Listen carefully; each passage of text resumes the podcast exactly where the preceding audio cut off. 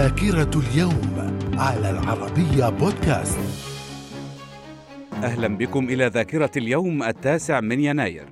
في عام 1718 فرنسا تعلن الحرب على إسبانيا.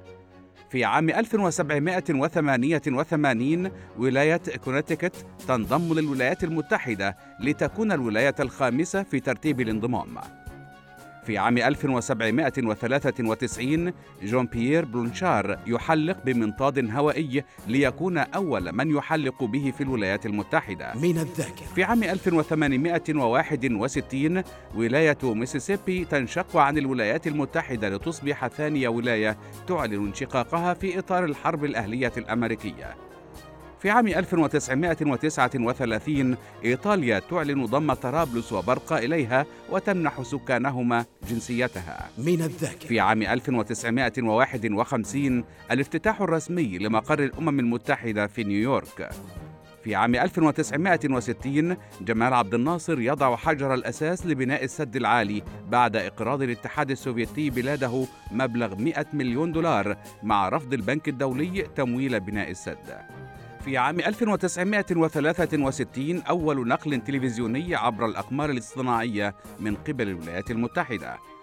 وفي عام 1987 إيران تشن هجوما عارما على شط العرب في إطار الحرب العراقية الإيرانية. من الذاكرة. في عام 1990 تدشين أنبوب النفط العراقي الذي يصل إلى ينبع السعودية على البحر الأحمر.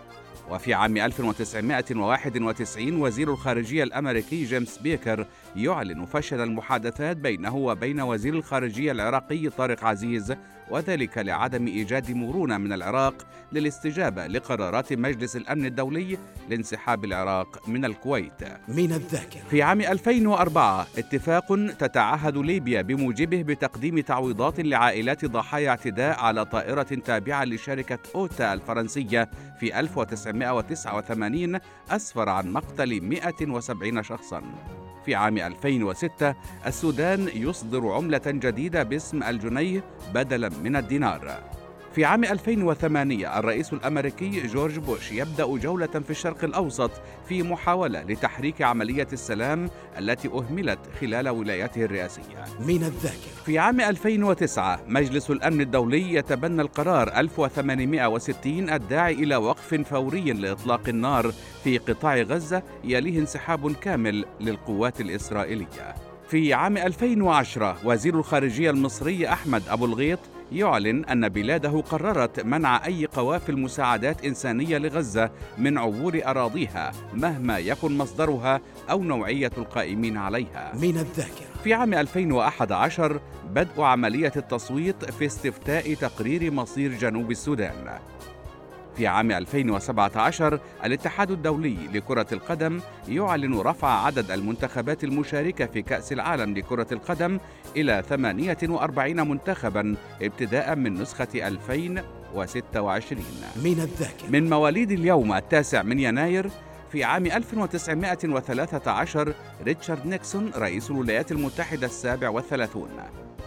في العام 1925 لي فان كليف ممثل أمريكي. من الذاكرة. ومن وفيات اليوم التاسع من يناير في عام 1873 نابليون الثالث إمبراطور فرنسي. في عام 2007 إبراهيم خان ممثل سوداني. في عام 2016 حماد أمام معلق رياضي ولاعب كرة قدم مصري إلى اللقاء.